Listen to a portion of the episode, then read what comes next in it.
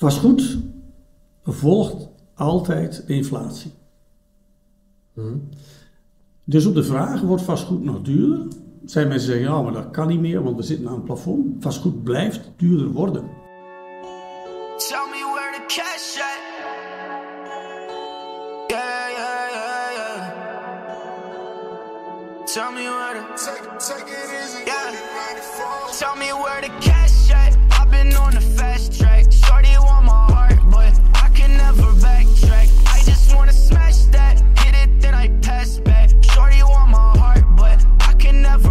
backtrack. This ain't nothing. Welkom bij de number one podcast voor businesses en entrepreneurs. Mijn naam is Jelle En ik ben Roland. en wij zijn Geronimo. Vandaag zijn we beland in het landelijke Wustwezel. Dat klopt. Niet zo ver van de Nederlandse grens. En dat gaat je zo meteen onmiddellijk wel merken, denk ik, aan de gast van vandaag. Ehm, ja, Dirk, Dirk Lahuis van Lahuis Vastgoed. Ehm, Dirk spreekt met een Nederlands accent, wat voor velen van jullie onmiddellijk hoorbaar zal zijn, maar ons eh, zeker niet tegenhoudt. En een leuke toevoeging is voor vandaag. Ja, en vandaag gaat het over vastgoed. Een heel interessant topic, denk ik. Of heel ja, hot eh, de afgelopen jaren met eh, prijsstijgingen en alles. Onder andere. Ehm, dus we gaan zien wat wij hier kunnen bijleren en of dat we nog tips en tricks hebben over hoe dat wij slim misschien wel kunnen investeren in vastgoed. Of een eerste woning kopen of Ja, zo'n zaken. Jawel. Dus eh, vergeet zeker niet Geronimo podcast te luisteren of te bekijken op YouTube, Spotify en al onze socials. Ga ons zeker volgen en abonneer voor meer. En dan bij deze Ja. een warm applaus aan Dirk Lahuis van Lahuis Vastgoed. Welkom. Dank Zet, u, dank zet, u zet erbij, Dirk. Fantastisch, dank u wel. Nee, goedenavond. Dirk, waar zijn we vandaag beland? Ja, in Wustwezel, hè, het, het centrum een beetje van, eh, van, eh, van de Noorderkempen. Ehm het centrum, dat is natuurlijk betrekkelijk redelijk dicht bij de Nederlandse grens. Eh, op kantoor ehm, van Imo Point Lahuis. Eh ja, vastgoedkantoor in, eh in Wustwezel, waarvan wij uit het gebied Wustwezel, Brecht, Kalmthout, Essen tot Hoofdstraat, zeg maar dat hele gebied bedienen in eh, de verhuur en de verkoop van eh, met name woningen en appartementen. Ja, echt de, de Noorderkempen is specifiek jullie... eh, Ja, correct. Correct, correct. Daarnaast doen we nog wat Spaans vastgoed erbij, de Costa Blanca en de Costa Calida. Ehm, maar dat is eigenlijk voorlopig nog niet onze hoofdactiviteit. Het zal het waarschijnlijk ook nog niet direct worden. dat is Ja, heel interessant. Dat is, interess- dat is grappig dat je dat meteen aanhaalt, want onderweg naar hier hadden we een eh, Instagram live gedaan. Dus eh, we, hadden, eh, we waren live gegaan op Instagram en onze volgers gevraagd van kijk, wat willen jullie nog horen in verband met vastgoed? Hebben jullie nog vragen? Stel ze nu, dan kunnen we ze nog in de podcast betrekken. En ja, daar werd ook gezegd van eh, ja, vastgoed in België of Nederland is heel duur voor als je daar als, jong, als jongens daarvan in wilt stappen. Eh, hoe zit dat dan bijvoorbeeld met Spaans vastgoed of zo? Ja. Ja. Specifiek Spaans Ja. vastgoed. is- We hadden dat niet afgesproken, maar zo zie je maar weer. Hè? Dus eh, een actueel eh, onderwerp. Ja, een hot topic. Ja. Zeg, Dirk, ehm, voordat we beginnen. U bent zelf, we we weten het nu net, hè, u bent van deze streken, van, van de kanten van Wustwezel ook. Bent u hier geboren en getogen? Of, eh, Nee, nee, anders dan was dat accent misschien wel heel erg eh, bijzonder geweest. Nee, nee, ik ben geboren in Noord-Nederland. Eh, in, in, in Drenthe zelfs. Ehm, en, en bij toeval in, eh, in, in België terechtgekomen. Ja, ja. en hoe gebeurt zoiets, als ik vragen mag? Ehm, ja, ehm, via een van mijn hobby's eigenlijk. Ik, ik doe naast dit werk af en toe nog eens een keer wat modelwerk. Omdat ik het leuk vind. Ik, ik zat gisteravond na te denken, je zit je toch een klein beetje voor te bereiden op zo'n podcast. Hè, want dat gebeurt ook niet elke dag. Hè. Een interview er volgen, een podcast niet. En ik goh, wat zijn nou een beetje de, de thema's in je, in je bestaan? En, en eigenlijk bij mij de laatste jaren zijn dat wel de M&M's eigenlijk. Dat is, dat is mijn vrouw Maggie, dat is, dat is makelaar, dat is motorrijden en dat is modelwerk. Hmm, MMM. M&M, hè? dus Ja. dat, is- dat, dat gaat er goed in. En via modelwerk heb ik mijn, ja, mijn huidige vrouw eh, leren, eh, leren kennen. En ja, door haar te leren kennen ben ik uiteindelijk in België verzeild geraakt. En toen ik in België eh, ging wonen, gingen wij op zoek ook naar ja, naar een woning voor ons samen. Ja. En ehm, werd ik dus voor het eerst eigenlijk, kwam ik in aanraking met de Belgische makelaars. Want heb je daar een opleiding, in- van een opleiding ingerold? Of Nee. Nee, nee. Maar ik was zo verbaasd over hoe ze dat deden, of hoe ze dat niet deden eigenlijk. Dat ik dacht, goh, Hier is ruimte. hier is ruimte voor verbetering, en dat kan ik doen. Ik heb een opleiding, ik ben ingenieur bouwkunde. Ik heb altijd ehm, eigenlijk in de bouwgerelateerde industrie gewerkt. 15 jaar directeur van een franchiseorganisatie in de bouw eh, geweest. Tussendoor nog rechten gestudeerd en nog wel wat bedrijven begeleid in het ondernemen. En toen dacht ik, goh, weet je, misschien is dat nu wel een mooie gelegenheid. Dat dan toch een nieuw leven eh, ehm, eh, gaat beginnen. Misschien moet ik dan ook wel de laatste fase van mijn carrière gaan, gaan doen. Ik heb dat altijd in stappen van 15 jaar, zeg maar, gedaan. Ehm, ja, gevraagd bij het beroepsinstituut voor vastgoedmakelaars of ik vrijstelling kon krijgen van de vooropleiding. Ehm dat kon. Dus eh, ik mocht direct aan een stage beginnen. Stage plaats gezocht.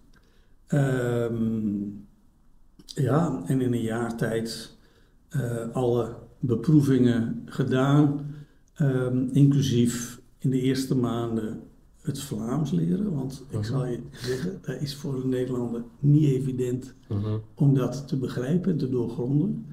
Het lijkt allemaal op elkaar, maar het is in essentie totaal anders. Ja. Ehm, en dat was wel een hele uitdaging. Eh, en daardoor gingen de eerste twee maanden, ja, ik haalde overal op al die, wat is het, 22 tentamens denk ik. Ik haalde overal een buis op, hè. Ik begreep dat allemaal niet. Dan ging ik dat terugvertalen. En dan is de betekenis van die woorden in, in het zinsverband is totaal anders. Hè? Dus dat begrijpend lezen, lezen in het Vlaams is dan anders dan in het Nederlands. Ja, toen ben ik maar eens gaan verdiepen in de Belgische cultuur. Ehm, dus toen ben ik eh, de eh, series eh, Familie, De Zonen van Van As, ja. Horsten en Geubels gaan opnemen. En na werktijd en na studietijd, ja, Is dat echt met die reden gedaan? ja, ja, ja. En dan krijg je binnen een aantal weken gewoon taalgevoel. En nu achteraf terugkijkend ook gevoel voor de cultuur van België. Want daar zitten alle cultuurelementen eigenlijk wel in. Ja, ja. FC de kampioenen. Dus in een jaar tijd al die, al die, al die erkenningen, of al die, al die toetsen doorlopen, direct schriftelijk aangevraagd en eh, eh, in één keer gehaald en mondeling aangevraagd. En, en tussendoor op zoek gegaan naar een bedrijf ter overname of participatie. En tot mijn verbazing werden er, dat was in 2016, nogal wat aangeboden. Ik denk, goh, dat, dat, dat, dat is ook wel weer bijzonder. Hè? Dat betekent dat het allemaal nou toch wat anders is dan het vaak wordt uitgestraald. Hè? Eh, de, de sector heeft natuurlijk een imago van grote auto's, gemakkelijk geld verdienen en noem maar op. Maar ja, dat is al lang niet meer het geval. Eh, en bij veel kantoren bleek dat ook het geval. Ik had een gesprek met Imopoint gehad om te kijken of ik in, in Beerse regio iets, iets zou kunnen doen met hun. Maar ze waren toen bezig, hè, want Imopoint is een, een snel groeiend netwerk, wat in 2015 eigenlijk gevormd is. Maar ze waren toen net bezig met de toetreding van eh, collega Verhoeven in Merksplas. Dus daar paste Beersen niet echt in. En een paar weken later werd ik gebeld van, goh, we hebben nog een kantoor in Wustwezel. Dat was een bestaand kantoor, onderdeel toen van, een kantoor in, eh, van het kantoor in Schilden. Of ik het zag zitten om daar eens over te babbelen. En dat hebben we gedaan. En dat heb ik gekocht. En toen ik mijn BV erkenning in huis had, zijn we hier gelijk begonnen. Ja, Dat-. Dus dat is eigenlijk in het kort het verhaal. Ja, dat Mannen, en zo kom ik van uit het hoge noorden naar het, eh, het, Zonnige zuiden. het zonnige zuiden. Dus tussendoor was ik wel al eh, wat langer in het zuiden geweest, want ik heb elf jaar in, eh, ehm, bij Rockwell in Roermond nog gewerkt. Eh, daar ook drie jaar verantwoordelijk voor de Benelux geweest. Dus in die zin ken ik de Belgische markt wel enigszins. Ja. Acht jaar in Valkenswaard gewoond, dus toch al iets meegekregen van ehm, de, het meer flexibele zuiden. Ja, Eh, want het noorden is natuurlijk nogal principieel van. Zeg, Dirk, wat ik me dan eh, afvraag, dus je hebt een vrijstelling gekregen op eh, de opleiding voor Ja. vastgoedmakelaar. Ja. Je hebt wel je stage moeten doen. Ja, Waar heb je je stage dan destijds gedaan? Was dat dan ook bij Immopoint? Of, nee, nee, nee, nee. Was bij een kantoor in Turnhout. Ah ja, oké. En dat is dan een jaar lang, dat je, of, of hoe moet ik dat juist zien? Ja, dat is, een, dat is een jaar, minimaal een jaar lang. Eh, en je moet je uren maken en je, je, je stuk inleveren. Ik heb dat keurig in een jaar gedaan. Ja. Ehm, en dan ga je tegen een minimale vergoeding ga je een jaar lang. Eh, Ja. En ik moet wel zeggen, ik, ik ben natuurlijk begonnen toen ik, ehm, eens even kijken, 55, 54, 55 was. Ehm, ben zelf 20 jaar directiefuncties gehad. Ja, dan is dat wel een keiharde confrontatie, hè, want je wordt in één keer weer eh, bewust onbekwaam, zoals dat heet. Want je, je, je sleept een heleboel ervaring mee en kennis mee. Maar ja, het is natuurlijk wel een nieuw vakgebied. Hè? Mhm. En, en, en de cultuurverschil tussen Nederland en België in de bouw, eh, eh, het verschil in rechtssystemen, dat is natuurlijk groot. Hè? Mhm. Dus daar, daar, daar kom je dan achter dat je daar nog ja, heel veel moet bijleren. En dat is een kwestie van, van, van hard werken en eh, Mhm. je overal in verdiepen en dan komt dat vanzelf binnen. Hè? Want ik hoor nu heel veel verschillende dingen waar ik wel heel... ja, ja, doe maar, doe maar, geen probleem. Ehm, ja, ik hoor heel veel verschillende dingen van, van ingenieur, rechten, ehm, in de bouw gewerkt en dan in één keer vastgoed. Van waar komt dan ineens die interesse om in de vastgoed te gaan? Ja, dat is niet zo raar, hè? Want, want al die elementen die je eigenlijk nodig hebt om je vak als vastgoedmakelaar goed te kunnen doen, die zitten daarin. Hè? Je moet kennis hebben van, ehm, je moet sowieso met mensen om kunnen gaan. Ja, ik denk dat dat sociale aspect er wel enigszins in zit. Ik, heb, ben een mensenmens, ik heb ja, interesse in mensen. Ik ga daar graag mee om. Eh, dus dat is al iets. Je moet commercieel zijn, want ja, zonder commerciële attitude geraak je er niet. Hè? Dan krijg je je panden niet binnen of je krijgt ze er niet uit. Eh, dus dat zit erin. Eh, dus die marketingkant in, in al die jobs, dat komt er goed uit. Je moet verstand van de bouw hebben, want je moet bij de opname van zo'n pand, moet je toch al redelijk goed kijken. ehm, ehm, eh, hoe is de constructie? Zijn er gebreken? Ehm, is er gebouwd volgens plan? Noem maar op. Ja, dat is ook allemaal geen evidentie hier, hè, want eigenlijk is daar vaak allemaal niet in regel. Dus daar, daar is al een element erbij. Ons vak bestaat voor een groot deel uit, uit ja, het controleren en interpreteren van, van, van, van vergunningen, et cetera. Ehm, ehm, de Belgische regelgeving is zeer complex, veel complexer dan waar ook eigenlijk in, in West-Europa. Eh, omdat we hier eh, in staat zijn om ja, alles moeilijker te maken dan wat nodig is. Eigenlijk geen vernieuwing durven door te voeren, waardoor we eigenlijk in de basis, als je kijkt naar het, het, het, het rechtsstelsel, nog steeds voortdurend terugvallen eigenlijk op de, op de code Napoleon. Hè? Mhm. Hm. En, en daarbovenop zijn dan altijd iedere keer maar aanpassingen, decreten, eh, noem maar op. Maar, maar voortdurend de wetten actualiseren naar nu, ja, dat is lastig hier. Hè? Hm. Ik hoef jullie dat als Belgen niet uit te leggen, denk ik, dat dat allemaal niet... Mhm. Hè? Ja. En, en, en, en in die zin is je, is je, je juridische basis. Ik heb mijn de, de rechtenstudie overigens niet afgemaakt, want toen kreeg ik er andere taken bij. Maar de, de basis, die neem je dan wel mee. En dat heeft ook vreselijk goed geholpen. Ehm, want ja, die, dat nieuwe avontuur begint eigenlijk overal nieuw. Dus die basiskennis die is er dan. En daar kun je op voortbouwen. Ja. Ehm, dus dat, dat element zit erin. Ja, dan heb je eigenlijk de functie van vastgoedmakelaar ook omschreven. Hè? Ja. Zeg, Dirk, wat ik me dan afvraag. Oké, je bent begonnen als, als vastgoedmakelaar. Bent je daar ineens met twee voeten ingesprongen, hier in Wustwezel op je eentje? Of hoe is dat verlopen, dat proces? Ja, het was een bestaand kantoor Mhm. met, met één medewerker die ik heb opgenomen, eh, overgenomen. Ehm, een beetje spijtig eigenlijk is dat ehm, ehm, diegene die met dit kantoor begonnen was eh, een paar jaar daarvoor, eh, had besloten om voor zichzelf te beginnen hier 400 meter verderop. Eh, en dus onmiddellijk mijn concurrent was. Hmm. Ehm, en ja, bij overname was uiteindelijk de etalage nogal leeg toen ik de sleutels in ontvangst kreeg, zoals dat meestal gaat.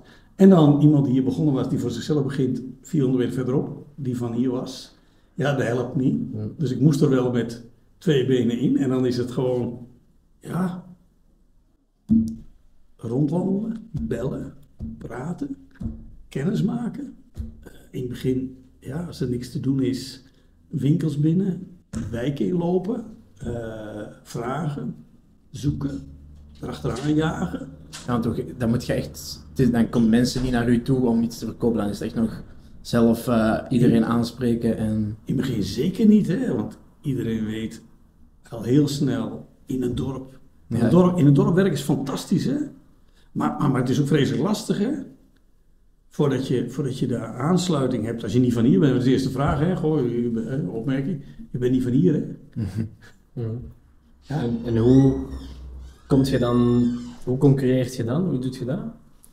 Wat doet je ervoor dat er dan toch voor gezorgd heeft dat uiteindelijk nu, zeven jaar later, dat je toch nog altijd... eh, Ja, jezelf kenbaar maken, netwerken leggen, vooral netwerken leggen, zorgen dat mensen je kennen. Eh, en de dingen die je doet, beter dan goed doen. Hè. En, en, en daar was ook een beetje de kanteling. Hè. Op een gegeven moment ging de medewerker alweer snel weg. Sta je er alleen voor, ja, dat vul je dan zo goed mogelijk in.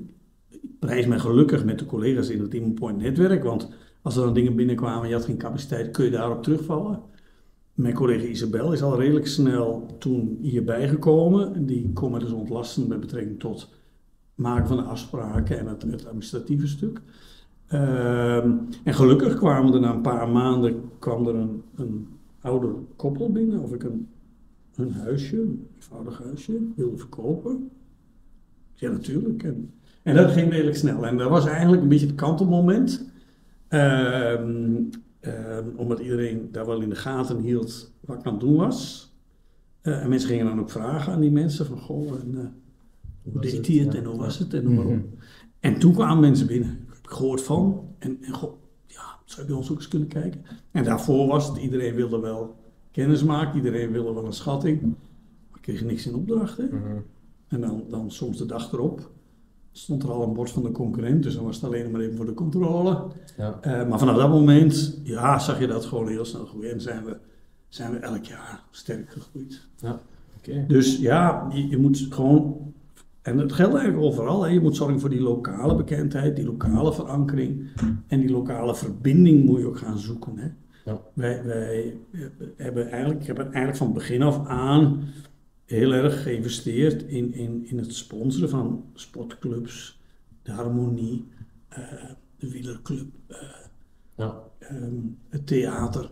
Ehm, als mensen zien dat je betrokken bent en je, het is oprechte betrokkenheid, ja, dan, dan, dan, dan bouwt dat mee aan je beeldvorming. En die goodwill, ja, dat heb je nodig. Ja, ik denk, Ik denk dat, dat- inderdaad, als, als vastgoedmakelaar is dat wel cruciaal, denk ik. Ja, ik denk dat het werk in zo'n, in zo'n, in zo'n, hè, in de Noordercamp, in, in, in die dorpen, ook heel anders is dan dat je in de stad zit bijvoorbeeld. Hè. De stad is veel oppervlakkiger, dat is veel, ja, eenmaliger. Ja, en je bepaalt je relatie en wie je kent veel sterker je succes Mhm. dan dat je in Antwerpen centrum of wat dan ook opereert. Ja. En pak je dan, dan, op dat moment pak je het, aan alles aan, denk ik dan? Of zijn er, eh, zijn er dan, heb je dan gefocust op bepaalde types vastgoed? Of hoe zit dat dan juist? Ja, maar in het begin heb je niet de luxe Nee, dat, om er heel kritisch in te zijn. Mhm. En wat er dan eigenlijk gebeurt, is dat, dat datgene wat van de tafel afvalt, hè, waar een, een ander zijn neus voor optrekt, of wat heel erg moeilijk is, dat dat dan bij jou terechtkomt. En ik vind dat nog leuk ook, hè? want dan komt je specifieke kennis maximaal tot uiting. Dat, dat, dat begint nu ook weer af te tekenen, nu zoveel ehm, eh, panden bijna onverkoopbaar worden, omdat we sinds kort die renovatieverplichting hebben, eh, die hoge energieprijzen eh, hebben, discussie over asbest hebben, dat heel veel mensen bang zijn voor die oudere woningen. Ja, dan komt dat, kennisniveau komt goed uit, want dan kun je met mensen heel makkelijk, hè, kandidaatkopers, wat de mogelijkheden zijn, wat de oplossingen zijn, hoe je het kunt herinrichten, wat er wel uit kan, wat er niet uit kan. En dat geldt voor, voor, voor moeilijke eh, panden ook. Hè. Daar waar een, een conflict is met de stedenbouwkundige bestemming, of waar vergunningen niet in orde zijn, of waarbij er een, een constructief probleem is. Als je daar oplossingsgericht kunt werken, ja, dan, dan, dan kun je er wel wat mee. Hè? Op Mhm. het moment dat je daar een doorsnee medewerker hebt, die zegt ja, ik weet dat niet, hè. Ja. Dan gaat dat nooit lukken, hè. Want nu dat je erover begint, de, onder andere asbest, de isolatiewaarde van uw woning, eh, al die dingen, die zaken, hoe hard is dat veranderd de afgelopen tien jaar en nu? Ik, ik kan mezelf inbeelden, als je tien jaar geleden ging zoeken achter een woning, dat dat toen wel ter sprake kwam, maar belangen daar niet zoveel als vandaag de dag. Nee, dat speelde toen eigenlijk helemaal niet. Ehm, tien jaar geleden weet ik niet, hè, want tien jaar geleden zat ik hier nog niet in de business. Zeven jaar geleden. Maar zeven jaar geleden speelde dat helemaal niet. Wat speelde zeven jaar geleden? Je zag toen wel al heel duidelijk de trend dat meer mensen gewoon instapklaar wilden. Maar energie was geen, geen thema. Er waren bepaalde type woningen die het goed deden. Hè. De pastoriestijlwoning was toen helemaal eh, hot. Een keuken was belangrijk, een badkamer was belangrijk. Eh, en als dat een, een slechte EPC-score had, niemand maalde daarover. Hè. Mhm. Maar vandaag de dag is dat compleet omgekeerd, denk ik. Totaal anders. En, en je ziet ook dat in hele korte tijd er ook een enorme schok teweeg heeft gebracht. Hè? Tot, tot half vorig jaar. Ehm, ja. Kijk, de, de, de, de, de België is een vrij conservatieve markt. Hè, De Belg is redelijk afwachtend wat er gebeurt. Natuurlijk voorzichtig ook altijd in zijn keuzes. Ehm, maar je ziet af en toe dat de overheid gewoon eens verstorend tussendoor komt. En we hebben natuurlijk corona gehad. Eh, als je het over een verstorende periode gehad, dan is corona helemaal een verstorende periode. Dus vlak voor corona hebben we de afschaffing van de woonbonus gehad. En dan zie je ook de, dat de financiële prikkel voor veel mensen ja, een belangrijk element op dat moment is. Want die afschaffing van die woonbonus heeft tot een piek in verkopen geleid. Want iedereen dacht, als ik nu nog snel koop en met een pandwissel ga werken, of de hypotheek nog kan afsluiten, ja, de woonbouw. dan hou ik de woonbonus. Hè? Mhm. Dus de maanden daarna zakte dat gewoon allemaal weer vreselijk in elkaar. Ja. Bij corona viel het even helemaal stil. En, en, en toen wij met z'n allen thuis moesten gaan zitten, realiseerde iedereen zich ten aanzien van wonen, wat ze op dat moment belangrijk vonden, waar ze vroeger nooit over nagedacht hadden. Dus ja, die extra kamer werd belangrijk, het tuintje werd belangrijk. eh, en zag je in één keer een run op ehm, woningen met een niet te grote tuin erachter, maar wel met een nette tuin erachter, met extra kamer en noem maar op. En niet alleen van de jongere generatie, maar ook van de oudere generatie. Want heel veel van die 60-plussers, net als ik, die daarvoor dachten, goh, misschien wordt het wel tijd om naar een appartement te gaan. Die hadden ook ervaren bij vrienden en kennissen dat het leven op een appartement, ja, dat dat ook niet altijd ideaal is, omdat je dan eigenlijk toch een heleboel dingen inlevert. Hè? Mhm, ja. Je krijgt ervoor terug, maar je levert ook in. En toen maakte dat eigenlijk nog niet zo, allemaal niet zo uit of dat nou een, een EPC-score A, B, C, D of E had, als het maar lekker instap klaar was. In ene keer, dat je in ene keer met heel hebben en je huizen kunt verhuizen. Ja, joh, dat was, dat, was, dat was het allerbelangrijkste. En gaan jullie dan ook specifiek meer op zoek naar die type woningen op dat moment? Of is dat pas achteraf dat je die trend eigenlijk ziet? Of Nee, nee, nee. nee. We proberen daar natuurlijk wel op, op in te zetten. Net als wij al, al heel vroeg bezig waren met, met de renovatiepanden, omdat we zagen dat dat er ooit aan zat te komen.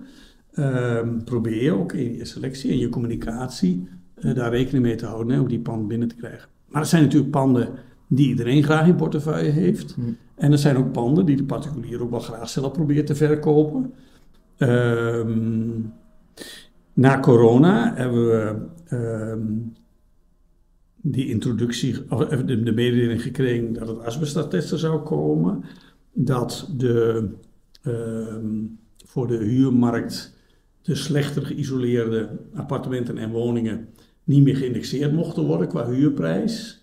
Ehm, en dat er per 1 januari een renovatieverplichting zou komen, waarbij verplicht gerenoveerd moet worden binnen vijf jaar als een huis een EPC-score van ENF heeft.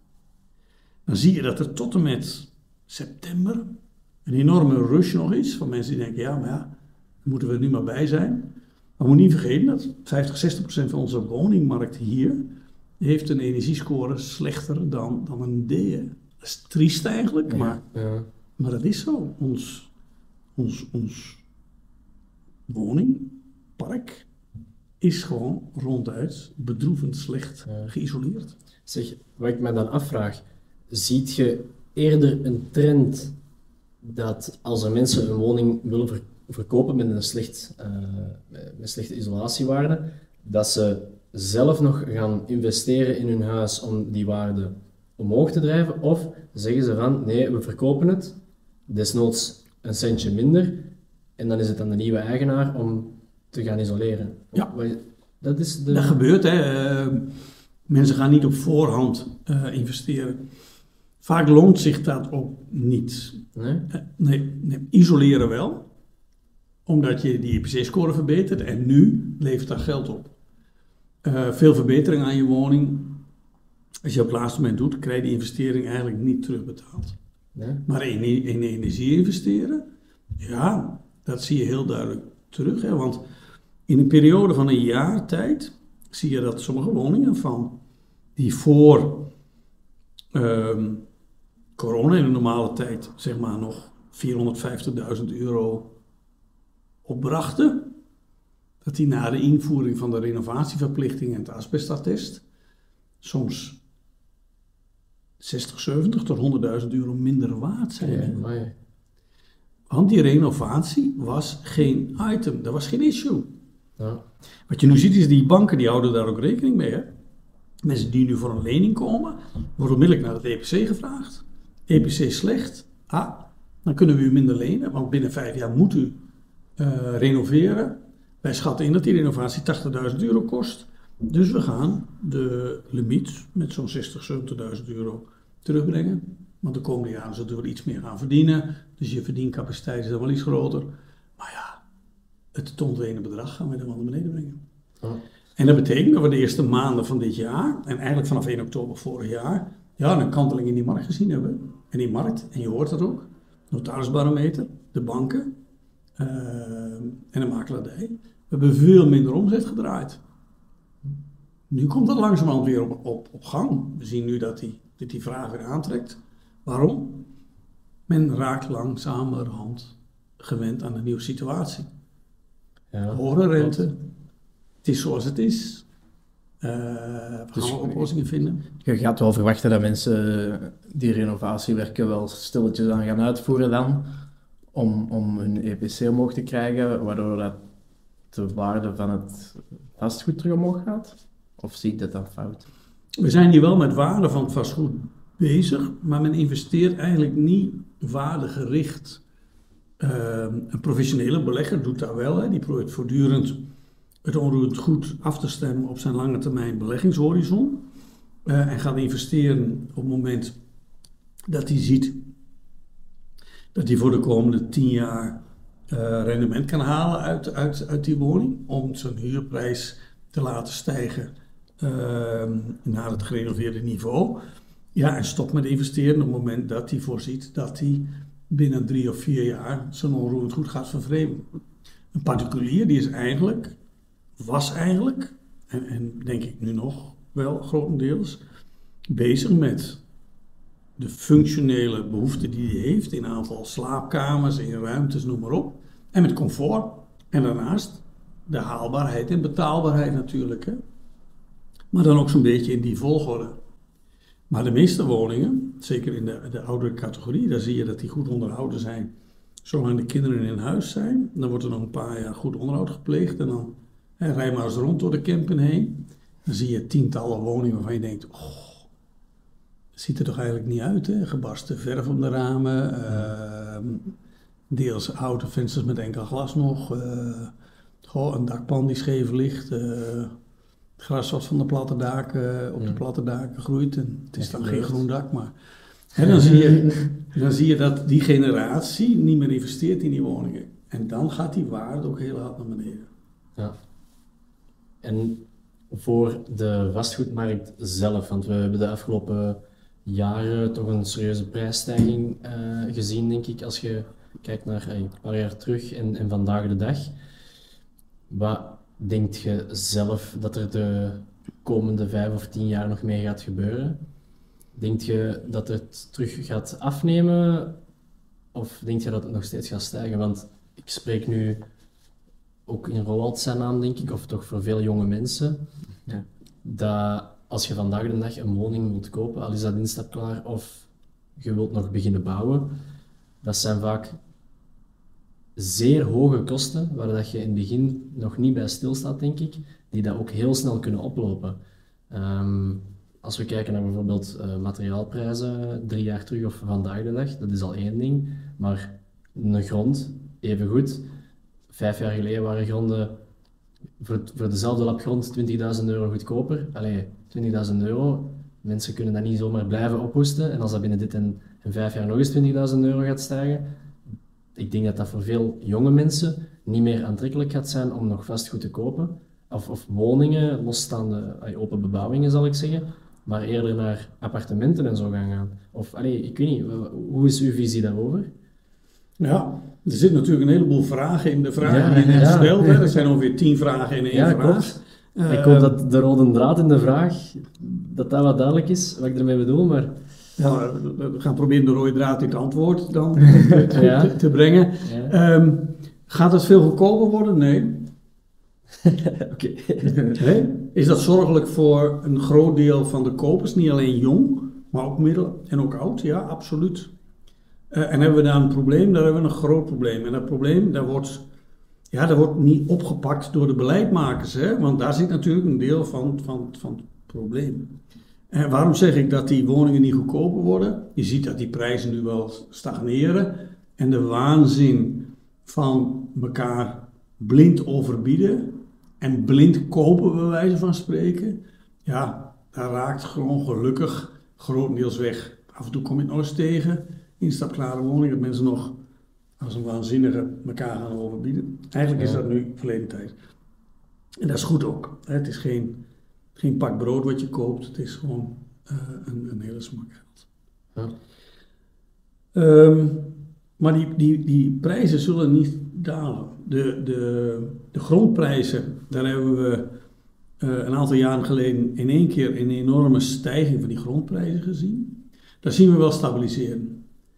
En, en die zie ik gewoon geleidelijk aan, zie ik die wel stijgen nog de komende jaren, maar niet zo extreem meer als in de periode tussen 6 en 10 jaar Mhm. geleden. Wat we nog wel zien is dat ehm, daar waar we nogal wat beperkingen worden opgelegd met, met, met bouwen, dat die natuurlijk die lokale overheid door eh, bestemmingen aan te passen of, of mogelijkheden te verruimen of te beperken met betrekking tot het bouwen van meersgezinswoningen, dus dat er meer vierkante meters op een vierkante meter grond geplaatst kunnen worden, dat daar die vierkante meterprijzen van die gronden wel sterk stijgen. Daar waar een ontwikkelaar op ehm, 600 vierkante meter grond zes appartementen kwijt kan, ja, dan zit daar meer marge in dan dat daar één bebouwing of twee halve open bebouwingen op gezet worden. Dus daar waar die mogelijkheid is, dan zullen die prijzen wat omhoog getrokken worden. Gelukkig merk ik dat veel gemeentebesturen langzamerhand zoiets hebben van, goh, waar zijn we in godsnaam mee bezig geweest? Eh, we, moeten, we moeten die dorpen weer dorpen laten worden. Ja, de appartementen bedoelt u? Of, eh, Ja, ja. Eigenlijk gaat het al niet meer, hè, want de meeste dorpen hier in de Kempen zijn al Dat zien ook in Vlimmeren. zijn Ja. eigenlijk gewoon verkloot eh, door beleidsloos te opereren. Sorry dat ik het zo zeg. Ehm, en dan krijg je dat dorpskarakter ook niet snel meer terug. Dus dat is nog wel een hele uitdaging voor de, de komende besturen om te kijken hoe je daar nou vorm aan gaat geven om dorpen leefbaar te houden en dorpen ook betaalbaar te houden. En die betaalbaarheid, ja, je zegt moeten we dan allemaal naar appartementen? Ja, dat zou kunnen. En dat heeft ook een. Ehm, dat is ook niet, niet, niet erg, hè? alleen staat het haaks op onze gewoontes hier in België. We zijn gewend hier van oudsher om een woning te kopen en daar ons leven lang, bij wijze van spreken, in te blijven wonen.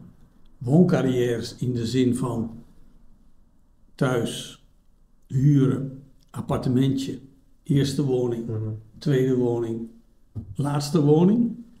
Ja, dat is, dat, is, dat is iets waar we nog niet gewend zijn. Maar wat voor jullie, als jonge generatie ja, niet, bijna niet anders kan. En, en met die aanpassingen, die registratierechten, die nu voor je eerste woning nu op 3% zijn gebracht. En, en toch een beetje het drukken al van die notariskosten. ehm, is die drempel om na 6, 7 jaar weer te verkopen ook iets, iets lager gemaakt. Toen wij hier nog 10% registratierechten moesten betalen en 5, 6% bijkomende kosten, was je veel, te, zeker met een lage inflatie, was je veel te lang onderweg om eigenlijk je woning of je appartement op het prijsniveau te krijgen Dat je er oorspronkelijk voor betaald hebt. Ja. Ja. ja, en, en, en nu die, die kosten, dan, dan moet het nog veel lager, hè? want als je kijkt naar het waanzinnig verschil tussen de kosten in Nederland en in België, bij de aankoop van een woning, ja, dat is gewoon zot, hè? Is er zo'n zo'n groot verschil op? Ja, ja. En hoe moet ik dat dan zien? Is België een pakje duurder of, eh, Veel duurder. dan Nederland? Ja. Ja, ja, ja. ja. Ja. Huizen zijn in Nederland wel duurder, maar dat heeft een andere oorzaak. In Nederland kun je het grootste deel van je interesten aftrekken van je inkomen, waardoor je eh, daar veel meer netto ruimte hebt. In Nederland zijn de netto-inkomens veel hoger dan in België, waardoor je netto besteedbaar bij hetzelfde bruto inkomen, ja, automatisch trekt dat ook weer die prijzen van het onroerende goed omhoog. Hè? Dus alles houdt elkaar wel in, in, in balans. Ook jullie zullen kunnen blijven kopen, hè? maar niet meer in één keer die, die instapklare woning op 600 meter grond met vier slaapkamers en een garage. En een, Nee. Jullie wel, hè, want jullie zijn succesvolle podcastondernemers. dus ik zie daar gewoon allemaal voor me dat dat allemaal heel erg mooi gaat ontwikkelen. Eh, we zullen zien, ik. Maar de gemiddelde leeftijdsgenoten van jullie hebben daar wat meer moeite mee. Eh, veel ouders vandaag de dag hebben ook niet meer de middelen die ze vroeger nog wel hadden. Hè, Een spaarzaam volk had altijd veel op zijn spaarrekening staan.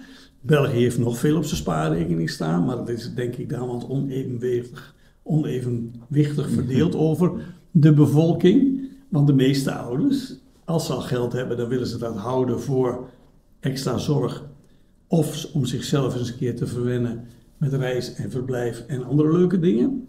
De kinderen eens een keer uit eten of noem maar op.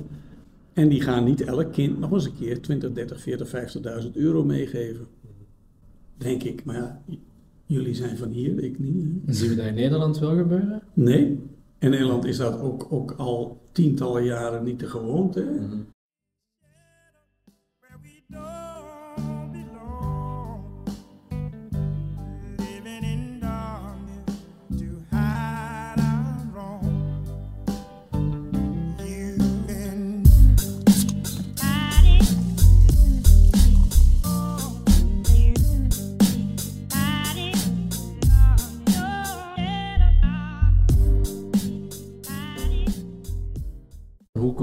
Je met heel grote bedrijven in dezelfde sector? Hoe concurreert je daarmee als je net begint? Ja, bij het begin van, van onze podcast hebben we het er eigenlijk al een beetje over gehad. Hè. Eh, eh, ehm, je moet sowieso een plan hebben. Als je geen plan hebt, kom je ook nergens. Dan doe je het ding wel, maar aan het eind van de rit kijk je terug en denk je, wat heb ik nou in godsnaam gedaan? Dus je moet een plan hebben, je moet doelen stellen en dan moet je aan gaan werken.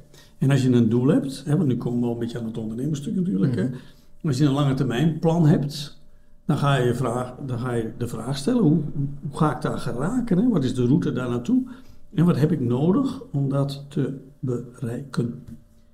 En op het antwoord wat ik nodig heb, ja, daar zitten de instrumenten in van communicatie, eh, netwerk. eh, eh, daar volgt weer geld uit en dat probeer je dan maar bij elkaar te krijgen als je dat niet hebt. En zo vul je dat dan in. En zo geraak je ergens totdat er een verstorend element komt. Er komt een concurrent bij of er is een, een wereldwijde ziekteplaag of weet ik veel. Dan moet je je plan gaan bijstellen. Ja. Het, is, het is ook niet verstandig om een plan wat je hebt te blijven volhouden als de wereld om je heen totaal verandert. Ja, want als het niet werkt, dan... eh, Dan moet je bij jezelf te raden gaan. Waarom werkt dat niet? Wat is er veranderd? Wat heb ik verkeerd ingeschat?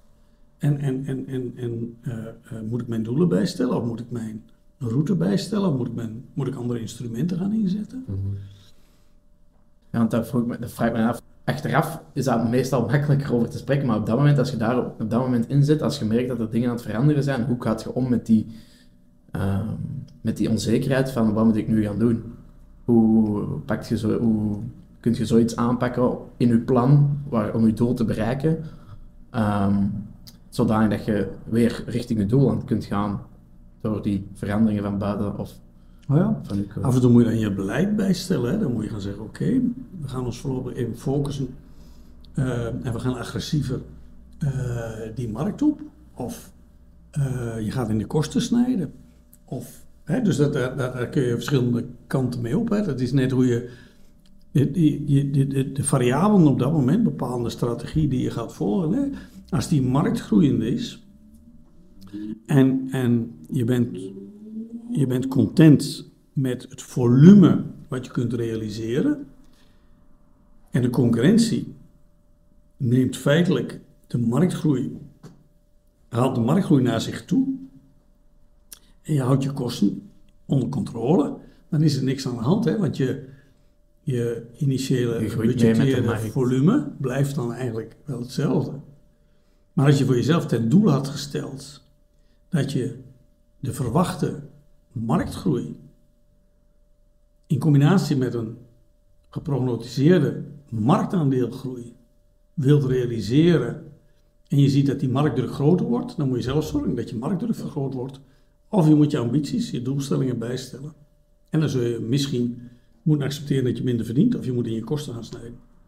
Maar als je, als je, als je dus je marktaandeel doelstellingen wilt halen en je concurrent komt erbij, ja, dan zul je extra energie erin moeten stoppen. Of zelf harder werken, of een extra medewerker aannemen, of noem maar op. Hè. Want over extra medewerkers gesproken, met, met hoeveel zijn jullie vandaag de dag? We zijn nu met drie medewerkers hier. Oké. Ja. En dat zijn allemaal mensen met een eh vastgoedmakelaar diploma dan? Die Nee. een stage... Of, of, nee. Nee, nee, nee, nee. Nee. Een, mede, een medewerker doet hier volledig het onthaal, de organisatie, de administratie en de ondersteuning. Mhm. De andere medewerker is nu met zijn vastgoedopleiding bezig. Die gaat volgend jaar aan zijn BEV-stage beginnen. Ehm, eh, en ik zelf ben dan de BEV-vastgoedmakelaar. En de vierde medewerkster, die is vorig jaar november, heeft ze besloten dat ze ehm, niet meer verder wilde met het BV. En die is nu in Zweden gaan werken in de toeristische sector.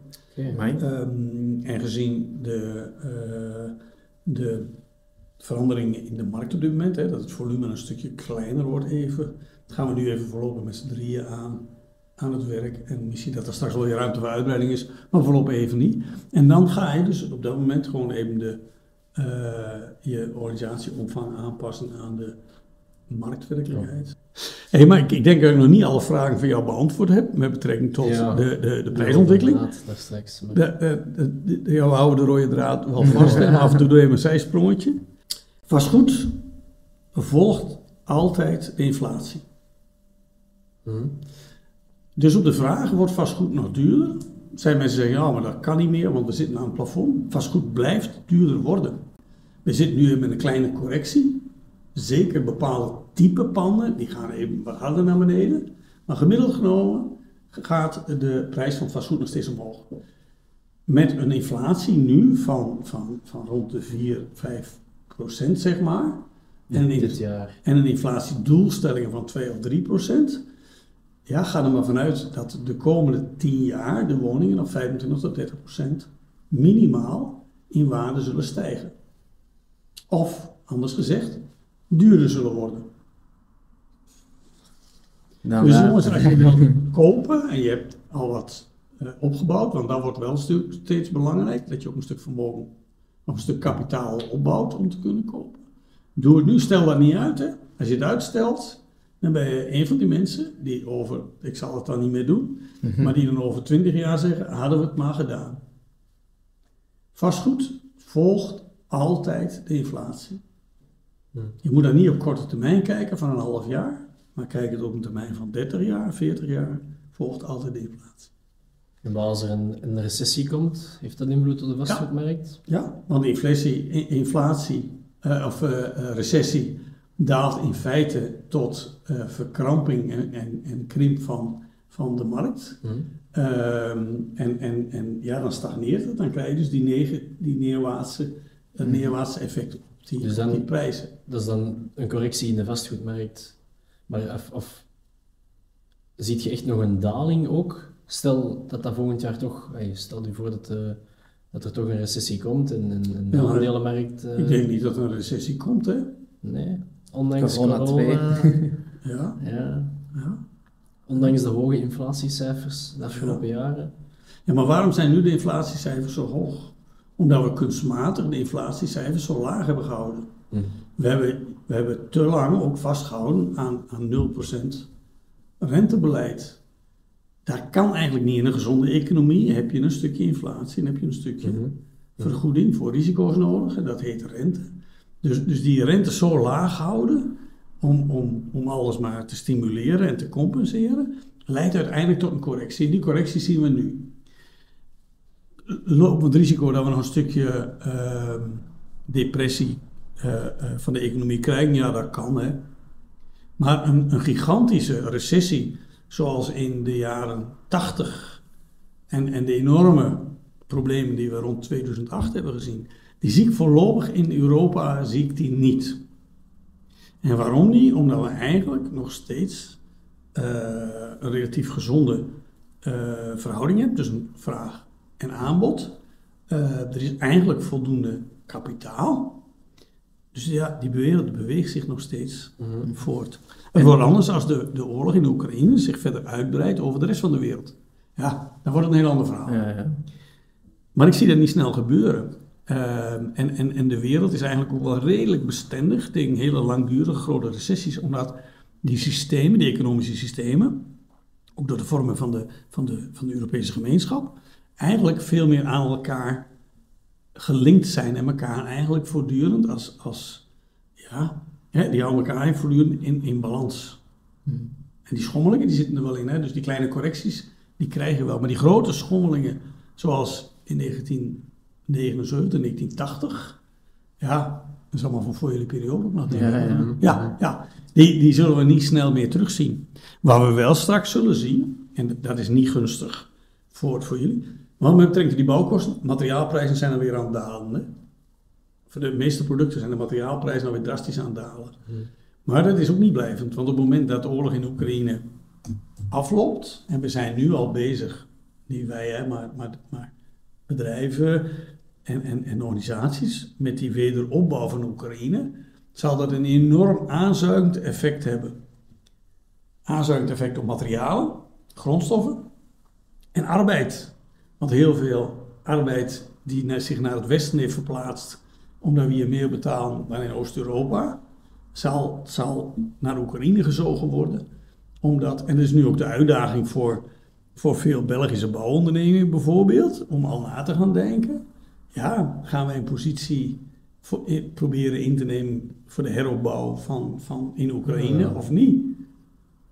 Voor vastgoed zal er ook ongetwijfeld dan ook wel ruimte Ja. zijn eh, gekomen. Ja, ja want die, die hele vastgoedmarkt is natuurlijk totaal verstoord daar. Ja. Maar voorlopig zal er eerst gewoon een heropbouwfase zijn voordat er een, een markt is waar vastgoedtransacties weer op een normaal niveau zijn. Want de, de, de woningnood is zodanig hoog door alle vernietiging die heeft plaatsgevonden, dat er eerst in recordtempo gewoon woningen gebouwd moeten worden. Mhm. En dat zal een, het zal een door de overheid ge- geregelde heropbouw worden. Dat kan de markt zelf niet doen.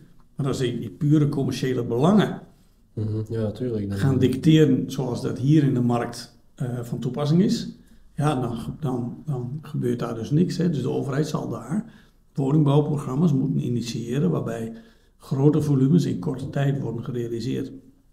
En pas als dat gerealiseerd is, dan zal die vastgoedmarkt langzamerhand weer vorm krijgen. Dus het is nu nog te vroeg voor mij om daar naartoe te gaan om een bijkantoor te openen, om eh, daar iets te gaan Voor Ja. enkele jaren dan. Ja, Wat is- ik, wat ik dan nu wil vragen, omdat we het in het begin er even over gehad hebben, Ja. is het dan interessant om in, in Spanje iets te kopen als investering? Costa Blanca, Costa Calida, waar, waar wij zitten, is nog steeds een heel interessante regio, omdat daar het klimaat erg gunstig is. De prijzen nog steeds betaalbaar zijn. Kwaliteit van, van leven, gezondheidszorg eh, en infrastructuur heel erg goed zijn. En dat dus een goede regio is. Maar je moet je altijd afvragen met welk doel ga ik investeren. Hè? Goh, stel voor iemand als ons. Wij hebben, of oh, ik spreek nu voor mezelf misschien, maar we hebben zelf nog geen woningen eh, op onze naam staan. Ehm, we werken beide, we hebben wat centjes in de bank zitten en we gaan naar de bank en we zouden een lening kunnen krijgen zonder problemen. Is het dan interessant voor ons om bijvoorbeeld vastgoed te kopen in het buitenland, bijvoorbeeld een appartement, om dat dan ehm, Te te verhuren eh, met winstoogmerk. Is dat interessant voor mensen van onze leeftijd? Of zeg je, Terwijl je hier nog geen onroerend goed hebt. klopt, En En hier, ook bij de ouders woont. en, en hier wilt blijven wonen en werken bijvoorbeeld. Dan zou ik eerder investeren in, in een woning voor jezelf. Dan dat ik een tweede of een, een opbrengsteigendom daar zou kopen. Tenzij natuurlijk een dusdanige band met je ouders hebt. Dat je zegt, wij gaan ons leven lang eh, een soort co-housing of een soort kangeroe-achtige format aannemen. Ja, dan heb je je primaire huisvesting heb je geregeld. Hè? ja, Het is ook anders als je zegt bijvoorbeeld, ik heb een, ik heb een job, die kan ik 80, 90% van de tijd, kan ik die waar ook in de wereld doen. Ik ben een telewerker, ik, ik hoef mij niet te verplaatsen naar, naar locaties in, in België, waar ook in de wereld.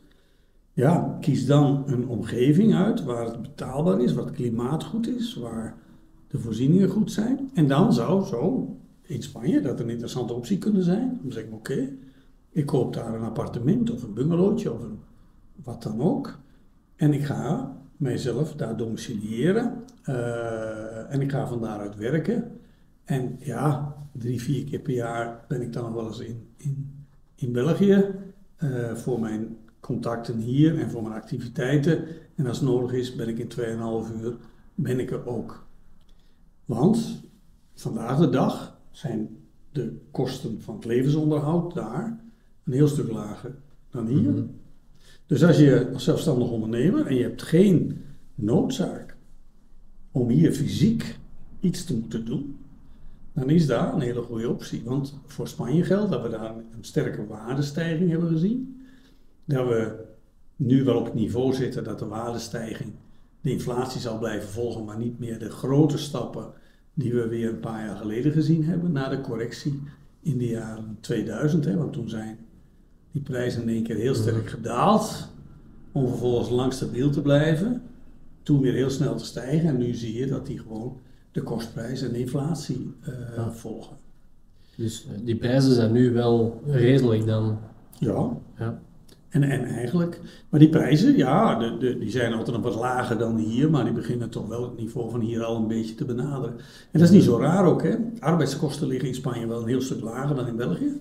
Maar materiaalkosten, ja, dat zijn tegenwoordig bijna eh, prijzen die in hele grote delen van Europa om en nabij op hetzelfde niveau liggen. Hè? Want de kostprijs van, van de grondstoffen van een, een perisolatieplaat of van een gipsplaat of van een, een, een, een, een baksteen of de cementproducten, die zijn in principe die ontlopen elkaar niet zo gek veel meer. Ja. En voor onze tegenvloeren, ja, die transportkosten maken dan het verschil uit. Maar die komen allemaal uit Spanje en Italië. Al die, al die keramische tegels komen allemaal daar vandaan. Dus je bespaart dan een beetje die transportkosten. Maar op zo'n totale vrachtlading zijn, is dat een paar centen per vierkante meter Mhm. eh, tegelwerk. Hè? En, die, en die arbeidskosten, ja, laat dat, laat dat een derde, 40% van de, van de productiekosten zijn. Dan is die dat verschil in, in prijs natuurlijk niet zo geweldig groot. Want, oh, ja, ik wou gewoon vragen, want hoe, heb jullie daar dan ook een kantoor? Of hoe, je- hoe houdt je die relatie? Nee, ik werk daar ook weer samen met een, een, eh, een, een externe partij, Masa International. Eh, dat is een van oorsprong Zweedse eh, organisatie. In de tijd dat heel veel Zweden naar Spanje gingen om iets te kopen. Dat is 35 jaar geleden door een Spanjaard overgenomen. Nu is dat een Spaanse organisatie. Met een vertegenwoordiging in de Benelux. Hè. Ze zitten ook met een kantoor in Engeland en maar ook in de Benelux. Ehm, ehm, die hebben hun eigen kantoor en eigen hotel in, eh, in, in Spanje. Dat betekent dat daar lokaal allemaal mensen zijn die Vlaams, Nederlands spreken, ehm, die daar alles voorbereiden, eh, die vanuit het Benelux-kantoor de lokale communicatie verzorgen. eh, de panden online zetten, de wijzigingen allemaal bijhouden, de inkoop daar doen en ook de begeleiding van alle cliënten doen. Want ik kan me niet veroorloven om daar regelmatig naartoe te gaan, want ik heb hier mijn business. Mhm. Maar ik moet er wel op kunnen vertrouwen dat cliënten van ons hier, als ik die daar naartoe laat gaan, dat die in goede handen zijn. Mhm. Want de reputatie hier is zorgvuldig in een aantal jaren opgebouwd. Ja, die kan ook in no time afgebroken worden op het moment dat het daar niet goed gaat. Mhm. En dus heb ik dan toen gezocht naar een partij die, die dezelfde taal spreekt, die dat voor mij kan doen. En dat, zo zit die samenwerking in elkaar. En dat bevalt erg goed. Dus zij verzorgen ook dat, we beur, dat, dat, hè, dat de beurzen, de second home beurzen, staan ze op. En ik ben daar dan gewoon als, ja, als, als property consultant ben ik daar dan ook aanwezig voor Maas International. Ja. Ehm, en hier presenteren we ons ook als partij van Masa Ja. International. Dus voor mijn lokaal vastgoed is dat Imopoint merk. Voor Spaans vastgoed is dat het Masa merk. Ja, oké. Wat ik me ook nog, nog afvraag, omtrent dat Spaans eh, vastgoed en woningen, of dat is toch eh, een trend die ik heb opgemerkt nadat ik zelf wat, wat onderzoek had gedaan, was dat de vooral bekende streken voor onder andere Belgische, Nederlandse, Franse of zelfs ehm, toeristen van het, groot, eh, van, van het Verenigd Koninkrijk, dat die streken allemaal zeer duur zijn in vergelijking met lokalere streken voor mensen vanuit Spanje zelf.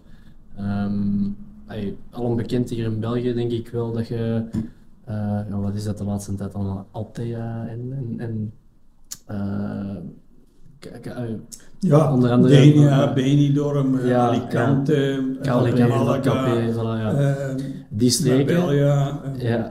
Torrevieja. Ja, voilà, die, die streken allemaal, die zijn, dat zijn schoon streken, daar niet van, maar die zijn zeer duur in vergelijking met als je bijvoorbeeld aan de rand van ehm, Madrid of aan de rand van Barcelona iets koopt, of, of meer aan de kant, nee, noord, noordwest gaat eh, in Spanje, Ja. wat dan eigenlijk weer een zeer toeristische plek is voor mensen vanuit Spanje zelf, waar dat wij als Belgen eigenlijk zelden of nooit komen.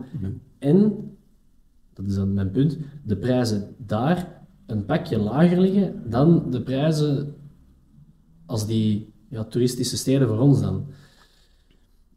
Hoe kan dat zijn dat er in Spanje zo'n groot verschil op zit, op, op, die, op die markt? Op die, puur op, op streeks, ah, want je hebt daar toch verschillende streken ook? Ja, ik heb, ik heb bijvoorbeeld op, op Erasmus gezeten in Castellón de la Plana, tussen Valencia en, en, en Barcelona. En ik heb daar ook zo eens naar de prijzen gekeken en ik vond dat toch een pak eh, goedkoper dan dat ik hier in België heb gezien. Mhm. En dat is, ja, dat was eigenlijk één grote studentenstad. Ehm, en ik vond dat, ja, meer betaalbaar, Ja. eigenlijk. Zeker als je dan nu gaat kijken naar bijvoorbeeld Alicante of, of Marbella, Ja. of, dat is een, bijna te vergelijken met Belgische prijzen, denk ik. Hè? Ja, maar is dat exclusief een, een, een, een Spaanse situatie? Denk het niet, Hmm. hè? Want Nou, ik als ik, als ik hier naar de, de prijzen in knokken kijk. En ik kijk naar de prijzen in, eh, bij Tessendelo of zoiets in de buurt, Mhm. als ik kijk naar de prijzen in eh Turnhout, of ik kijk in Brussel Centrum of in het Brussels buitengebied, of Leuven. West-Vlaanderen, of daar, daar, zie ik, daar zie ik eigenlijk dezelfde verschillen.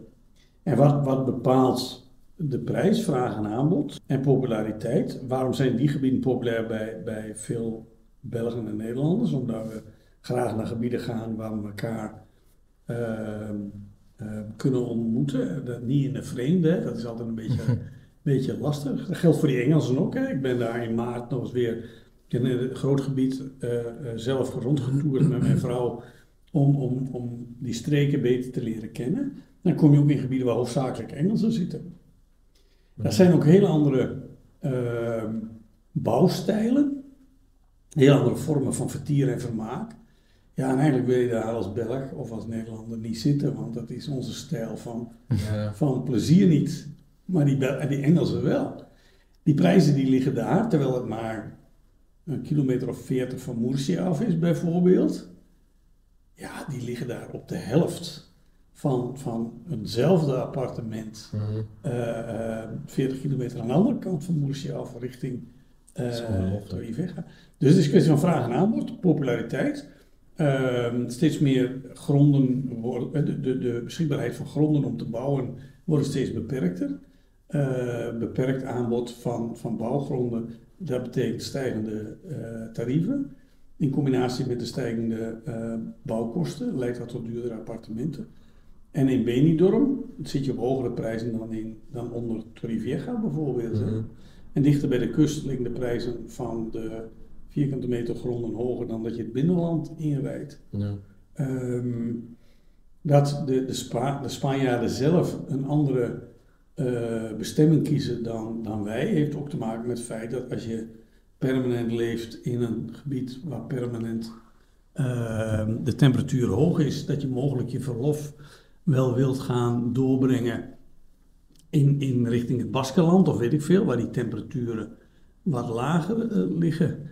Eh, terwijl wij hier in, in, in België met eh, al die winterse temperaturen, eh, maar met die wispelturigheid, nou winterse temperatuur niet, hè, maar met die wispelturigheid van het weer, dat je denkt, ik, als, ik, als, ik, als ik ga, dan ga ik voor de zon.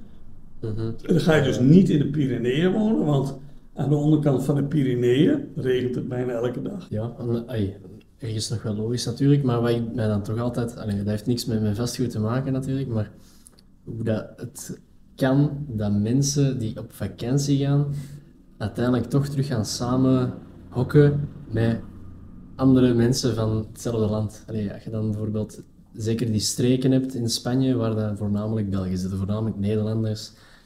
Het is toch ongelooflijk dat mensen eh, altijd terug gaan naar het bekende. Hè? Ook al bent je op vakantie of bent je op verlof. Ja, maar dat is, dat is veiligheid natuurlijk. Hè? Ja, ja, Dat- ja, dat- dat is- Ik, ik, kan me er wel, ja, ik kan me er wel in inleven, maar voor mij persoonlijk is dat nu niet mijn, dat is niet mijn type vakantie.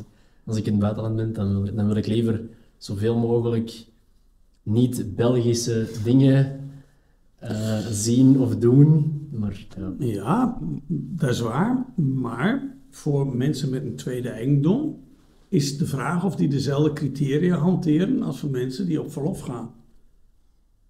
Als je op verlof gaat, je. Hè, er zijn heel veel mensen die dan ook altijd naar dezelfde camping of naar dezelfde wijk of naar hetzelfde gebied toe gaan. Die sommige mensen die komen al twintig jaar mhm. op dezelfde plaats. Ja, dat is veiligheid. Normale mensen, niet normale mensen, moet ik niet zeggen, maar mensen die normaal op verlof gaan, die avontuur, die, die op zoek zijn naar avontuur, ja, die zoeken iedere keer iets anders met een spannend element en noem maar op. Mensen die kinderen hebben, maken al heel andere keuzes dan mensen die geen kinderen hebben. Als je mensen hebt die Mhm. mensen met kinderen, die willen zeggen, die moeten een omgeving hebben waar die kinderen ook veilig opgevangen kunnen worden, zodat ze ook eens wat tijd voor zichzelf hebben. Heb je nou een tweede verblijf waar je regelmatig naartoe gaat? Ja, dan is het wel prettig om in je omgeving wat mensen te hebben die dezelfde taal spreken, waar je ja, niet altijd als een soort. Want als je daar woont, leer de taal en de cultuur vanzelf. Maar als je er niet woont, dan is dat niet lastig. Ik ben zelf met wat, wat, wat lezen Spaans begonnen, nou, ik zal je vertellen. Mhm. Het is, je, kunt, je kunt nog sneller eh, voor vastgoedmakelaar leren dan dat je Spaans leert. Hier in België denk ik wel, maar ja, als je er echt in leeft, De dan... opleiding voor vastgoedmakelaar is hier in België veel strenger dan waar ook in, in Europa. Hè? Ja. Want België is nog het enige land met nog een eh, erkenningsprotocol eigenlijk waar je aan moet voldoen. In heel veel landen kun je, is het een vrij beroep. Hè? In Nederland kun je gewoon eh, vastgoedmakelaar worden. En, en hier in België, zodra je bemiddelt, eh, moet je over je erkenning beschikken. Ja, zo simpel is het dan allemaal toch niet? Nee, nee, nee, nee, nee zo Nee. simpel is het niet. Nee, nee, nee. En het is ook niet evident om dat in een jaar allemaal te doen. Hè? Dus, Ja. Heb je nog ehm, over het algemeen tips voor mensen die daar hun eigen onderneming gestart hebben? Of ehm, ervaringen die jij in de loop van de jaren hebt eh, meegemaakt, dat je kunt meegeven aan de mensen die aan het kijken of aan het luisteren zijn? Nou ja, ik heb ook nog wel even een advies over mensen die op zoek zijn naar, naar woningen hier Mhm. in België, Ja? of waar dan ook. Vraag eens een expert mee op je zoektocht. Wat ik hier elke dag weer merk, is dat er eigenlijk nauwelijks kopers zijn die zich laten begeleiden door iemand waarvan je mag verwachten dat die verstand heeft van onroerend goed. De Belg gaat hier nog steeds zelf op bezoek, laat zich begeleiden door een makelaar die in opdracht van een verkoper werkt, doet een bod bij de makelaar die in opdracht van een verkoper werkt, onderhandelt met een makelaar die werkt in opdracht van een verkoper, ondertekent een overeenkomst op het kantoor voor de makelaar die werkt voor de verkoper Mhm. en laat zich nooit bijstaan, zelden, door een bouwkundige of een aankoopmakelaar of een andere makelaar. Want wij vinden dat allemaal zotte kost. Dus zegt je nu dat mensen zomaar blindelings vaak vertrouwen op hun makelaar? Of? Het merendeel van de verkopen vindt plaats na één bezoek van 30 minuten onder begeleiding van een makelaar die werkt in opdracht van een verkoper. Maar In- dat- natuurlijk worden daar alleen maar de mooie punten aangehaald, denk ik dan. Of, Nee, ik ben, ik ben heel rekken wat dat betreft. Dingen die slecht zijn, behandel ik eerst. Mensen die dat niet leuk vinden, dan kan het bezoek snel afgelopen zijn. Maar mensen die dat dan weten ehm, en die dat prima vinden, die worden niet geconfronteerd met die dingen als ze onderweg zijn. En dan kun je dan beginnen met het opbouwen van de pluspunten. En elk pand is wel iets, hè? Mhm. is altijd wel iets. ja. Of het ligt aan een drukke weg, of de tuin ligt verkeerd, Mhm. of er is een beschadiging, of weet ik veel. Maar van alle vijftig verkopen is er niet eentje die mensen meeneemt. Gelukkig had ik van de week weer een koppel die een vader en een broer meenamen, die verstand van techniek en de bouw hadden. Maar de meesten doen dat niet. En wat, dat ze ehm, tijdens een bezoek de waarde van de woning dan beter kunnen inschatten om hun aankoop eh, goed beter te onderhandelen? Of, Ja, en, en, en, en zich niet door emoties zozeer hoeven leiden, maar iemand anders onderhandelingen kunnen laten doen. Maar ook iemand anders kunnen laten vaststellen of het allemaal wel zo mooi is als vaak wordt voorgesteld. Hè? Want wij zijn samen met mijn vrouw, ben ik zelf op, op huizenjacht geweest. Dan krijg je soms van sommige makelaars de mooiste verhalen eh, te horen. Hè? En dan ga je wat kritische vragen stellen of je wijst wat dingen aan. Ik ben af en toe word ik eens gevraagd, mensen die een paar keer met mij huis hebben, zo zeggen goh, ja, goh, ja, weet je, je, je, je, je, je, bent je bent, dat merken we ook, maar kun je ons ook niet helpen als wij bij een andere makelaar een huis gaan bezoeken, want ja, we hebben nu een paar keer dingen gezien waar we geen goed gevoel hebben. Dan ga je mee en dan ga je met die klant samen overlopen. Is de constructie goed? Is de elektriciteit goed? Waar zit dan de, de, de verbeterpunten? En zo krijgen die mensen een veel gebalanceerder Mhm. oordeel over de waarde van de woning en wat ze moeten gaan doen. En kunnen ook die onderhandelingen voor ze gaan doen. Kijk, ik heb geen emotionele binding met dat pand en noem maar op. En een particulier die wil nog wel eens snel meegaan in zijn emotie. En, Ja, Mhm. ja. Dus een kritische, afzonderlijke blik eh, bij een aankoop van een woning ja. dat is u sterk aangeraden. huur een, een externe makelaar in. In Nederland is dat gewoon dat je met een makelaar zelf op stap gaat voor de aankoop. En dat hij de afspraken regelt met de makelaar die de verkoop doet. Hmm, Hier in. België vinden we het heel normaal dat we elk, de koper en de verkoper, een eigen notaris hebben. Maar we vinden het niet normaal dat we elk een eigen makelaar hebben. Terwijl het wezen, de essentie van de, van de kost, daar zit. En die notaris is wel duur hier, maar dat is natuurlijk maar peanuts in vergelijking bij de totale investering die je doet voor de aankoop van een woning. Ja, ja. Maar niemand vindt het hier normaal dat je een makelaar meeneemt, of een, of een expert, of een weet ik veel wat, om je te laten begeleiden in de zoektocht van een huis. Nee, ik heb het eerlijk gezegd ook nog nooit echt gehoord of zo.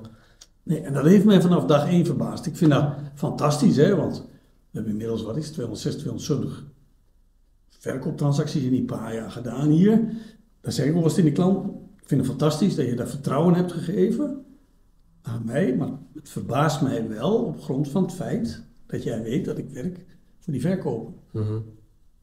Ja, dat is misschien onder... ik weet niet waarom dat, dat in België dan zo is, maar misschien is dat, dat, is- dat je het gevoel hebt dat je dan omdat wij gewend zijn hier Ja. om in een houten krat voor aan de weg, met een shampootje erbij, onze eh, confituur, onze eh, groenten, onze tweedehands fiets, onze auto klaar te zetten, eh, particulier te koop. En we zoeken het zelf wel uit. Hm. En die anderen kun je toch niet vertrouwen, dus we doen dat allemaal zelf wel. Ja. Maar de wereld is veranderd. En, en daar moet je denk ik als koper ook gewoon mee bezig zijn. Je zegt, goh, ehm, ik, ik, ik investeer een stukje. Dus natuurlijk praten voor eigen parochie, daar realiseer ik me. Maar ik ga een stukje investeren om meer zekerheid bij die aankoop eh, en, en ondersteuning in dat proces eh, als dienst in te kopen. Want- Dus het is eigenlijk een pleidooi voor de aankoopmakelaar. En dat doen wij er ook bij. Ja. Dan terug naar jullie vraag. Hè. Eh, eh, eh, de, de ondernemer, wat ik mee kan geven. Ja, jongens, begin allereerst met, met het definiëren van je droom. Hè. Als je een droom hebt, maak die wat concreter. Ga van daaruit een, een, een, een concreet doel ook definiëren. En maak een plan. Heb een plan. Veel mensen die starten met ondernemen hebben eigenlijk geen plan. Die hebben een, die hebben een kwaliteit. Dat zijn vakmensen. En, en de, die, die ambacht, die kwaliteit, dat vakmanschap, dat drijft toen dan om te ondernemen. En dat is mooi, maar ondernemen is veel meer dan dat natuurlijk. Hè. Ondernemen is, is, is, is het managen van je omgeving, is het creëren van je, van je, van je marktaandeel, is het aansturen van je mensen, is het, is het noem maar op. Hè. Mhm. En, en, en op het moment dat je alleen maar bezig bent met je, met je vak, kun je met de rest niet bezig zijn. En op het moment dat je een, een plan hebt en je, je leidt daarvan af wat je daarvoor nodig hebt, ehm, heb je ehm, en, en dingen door anderen laten doen die daar beter in zijn, ja, kun je veel beter ondernemen. En, en, en, en wees bewust van waar je mee bezig bent. Hè. Ken je cijfers. Wat is je omzet? Wat zijn je kosten? Hoe is je kaststroom? Eh, en stuur daar ook op. Je hoeft geen boekhouder te zijn, maar je kunt wel voortdurend weten wat was volgens dat plan wat ik had gemaakt, mijn omzetdoel wat ik had moeten halen, waar had ik nu moeten staan, waar sta ik? Oh, kom maar dat ik daarvan afwijk. Als ik veel omzet heb gedraaid in een kwartaal, hoe zit dat met mijn BTW-afdracht? En heb ik voldoende kaststroom om, om dat te kunnen doen? Rond vakantiegeld en dertiende maand zit mijn kaststroom nog goed in orde. En als je je, je, je, je kas langzaam naar beneden ziet gaan en je omzet omhoog ziet gaan, ja, dan klopt er dus iets niet. Misschien heb je dan in je verhouding tussen de kosten die je bent gaan opvoeren en de prijs die je durft te vragen, misschien zit daar dan wel een groot spanningsveld in. Hm. Omdat je door de groei een tweede, derde, vierde man hebt aangenomen. Maar vergeten men dat daar mogelijkerwijs ook consequenties heeft voor de kostprijs van je product. Dus, dus heb een doel, vertaal dat in, in cijfers, eh, toets af en toe dat doel eens even. Je toets af en toe je plannen aan je werkelijkheid en stuur daar ook tijdig in bij en heb er ook geen angst om daarin in bij te sturen. Dan, heb je, dan voorkom je dat je in mei van het jaar daarop door je boekhouder geconfronteerd wordt met de mededeling dat je toch echt wel een probleem hebt. Ja. En problemen heb je altijd als ondernemer. Hè? Dat is het enige wat je doet, hè. Problemen oplossen. Ja, maar in feite, dat is niet helemaal waar. Maar, maar, maar, maar er zijn altijd natuurlijk wel aandachtspunten en, en, en uitdagingen. Eh, dat hoort bij het ondernemerschap. Mhm. Dus ja, een aantal dingen. Hè. Wees, wees, wees goed voorbereid doordat je een, een, een doel hebt en een plan hebt. Eh, probeer je business te kennen, probeer cijfers te kennen, zodat je ook niet snel van de war raakt als de situatie wat anders is. En probeer ook een omgeving te hebben waar je gewoon feedback kunt krijgen. Zoals dat netwerk van iemand. Zoals, het, zoals, zoals een, een, een netwerk of wat ook. Want ook je vriendenkring is niet altijd een netwerk. Hè? Want als je, als je je vriendenkring uit de opleiding komt, de een wordt ambtenaar, de ander wordt onderwijzer, de derde wordt ja, eh, eh, bankier, eh, de vierde wordt accountant, weet ik wel, boekhouder, weet ik veel. Allemaal nobele beroepen. Maar dat zijn niet echt risicodragende, risicovolle beroepen. Hè? Als een ondernemer. Hm. Dus als je als ondernemer dan met, met, met problemen of zorgen aankomt, kunnen die vaak zich daar niet in verplaatsen. Hè? Mhm. Is dat een beetje antwoord op de vraag? Ja, ja, zeker. Ik denk dat daar we- de, de mensen thuis en wij toch zeker iets Ja.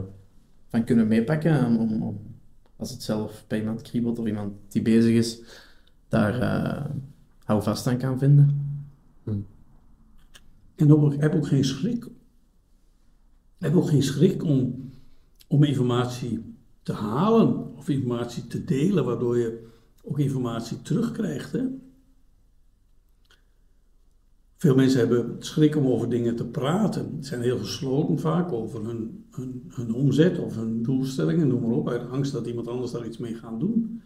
Maar hoe meer openheid je vertoont, hoe meer je vaak terugkrijgt. Ik zit zelf ook bij een, bij een BNI, een, een business netwerk, international. Daar hebben we elkaar ook al eens gezien Ja, eh, in het verleden. Credo is geven loont. Mensen vinden dat allemaal wat vluchtig en zo, maar dat is natuurlijk niet zo. Als je durft te delen, krijg je ook dingen terug. Hè? Als ik jullie, als ik me af en toe kwetsbaar opstel naar een aantal mensen toe, over dingen waarvan ik denk dat het niet allemaal loopt zoals het moet lopen, en dat kan, zijn die ook bereid om daar met je over te praten. En, en, en krijg je soms ehm, een reactie of een antwoord waar je zelf wat mee kunt, hè? waardoor je gesterkt wordt in, in een idee wat je misschien al hebt, maar niet hebt durven eh, oppakken of niet hebt durven uitrollen. En misschien kennen zij wel iemand of een oplossing die jou kan helpen om, om, om verder te komen. Hè? Dus wees ook niet bang om, om, om tijd vrij te maken om te investeren in zo'n netwerk. Want dat kost tijd. Ja. Ja, relaties op. En veel vakmensen vinden dat onzin, hè? want ja, het geld verdien je hier en niet daar. De meerwaarde van zo'n netwerk is, is gewoon voor mij, ja, snel mensen kunnen contacteren, snel ideeën kunnen uitwisselen. En ook mensen kunnen gebruiken in de positieve zin van het woord, hè? Om jezelf rijper te maken in je gedachten, of iemand iets voor je te kunnen laten doen, waardoor jouw klant geholpen wordt. Eh, doordat je iemand die je kunt vertrouwen inzet om, om een activiteit te doen. Hm. Dus investeer ook in zo'n, in zo'n omgeving. Trek je niet terug in je bedrijf. Ik denk dat wij eh, hier eh, al zeker over vastgoed al eh, hebben bijgeleerd. En het laatste deel ging ook ineens heel... eh, Ondernemend aspect. ja, en, en de, de gedachte erachter, hè, van ehm, hoe dat je dingen concretiseert en aanpakt en, en waar dat je op moet letten. Oké, nee, voilà.